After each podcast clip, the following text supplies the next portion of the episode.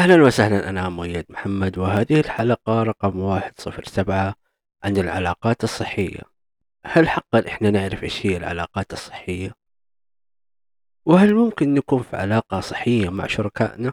خلوني أجاوبكم على هذه الأسئلة لكن في البداية خليني أعرف لكم العلاقة الصحية بأنها علاقة يقدر الطرفين فيها تقبل بعض بشكل كامل بدون أقنعة أو تصنع للمثالية الزائدة هذه العلاقة فيها مشاكل لكن مليانة حب واحترام.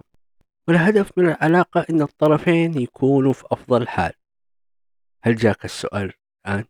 طب كيف نعرف إننا في علاقة صحية؟ في علامات كثيرة مرة. لكن حذكر لكم المهمة بالنسبة لي. العلامة الأولى الإنصات والحضور. يعني دائما يكون الشخص هذا موجود عشانك.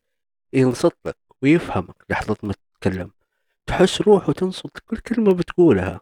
مو يسمعك وعقله في مكان ثاني يكون حاضر معاك ويقدر وجودك ودايما معاك حتى لو كنتم بعيدين عن بعض. يكون موجود بسؤاله يشوف محتاج حاجة يبين لك عن جد إن وجودك فارق في حياته. العلامة الثانية التقبل غير المشروط. يحبك لأنك أنت أنت كامل عيوبك وحسناتك ولا يحاول يغيرك لشخص آخر هو اخترعه في مخيلته اللي تأثر فيها بأبطال المسلسلات والروايات الخيالية. باختصار يتقبلك أنك إنسان.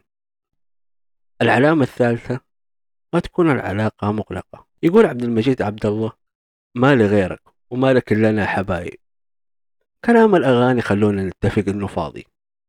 ليش نقفل على بعض؟ الحياة فيها أهل وأصدقاء.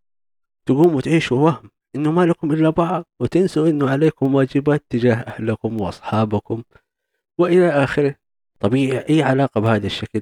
ما فيها مجال للتنفس. راح تنتهي بأسرع ما يمكن.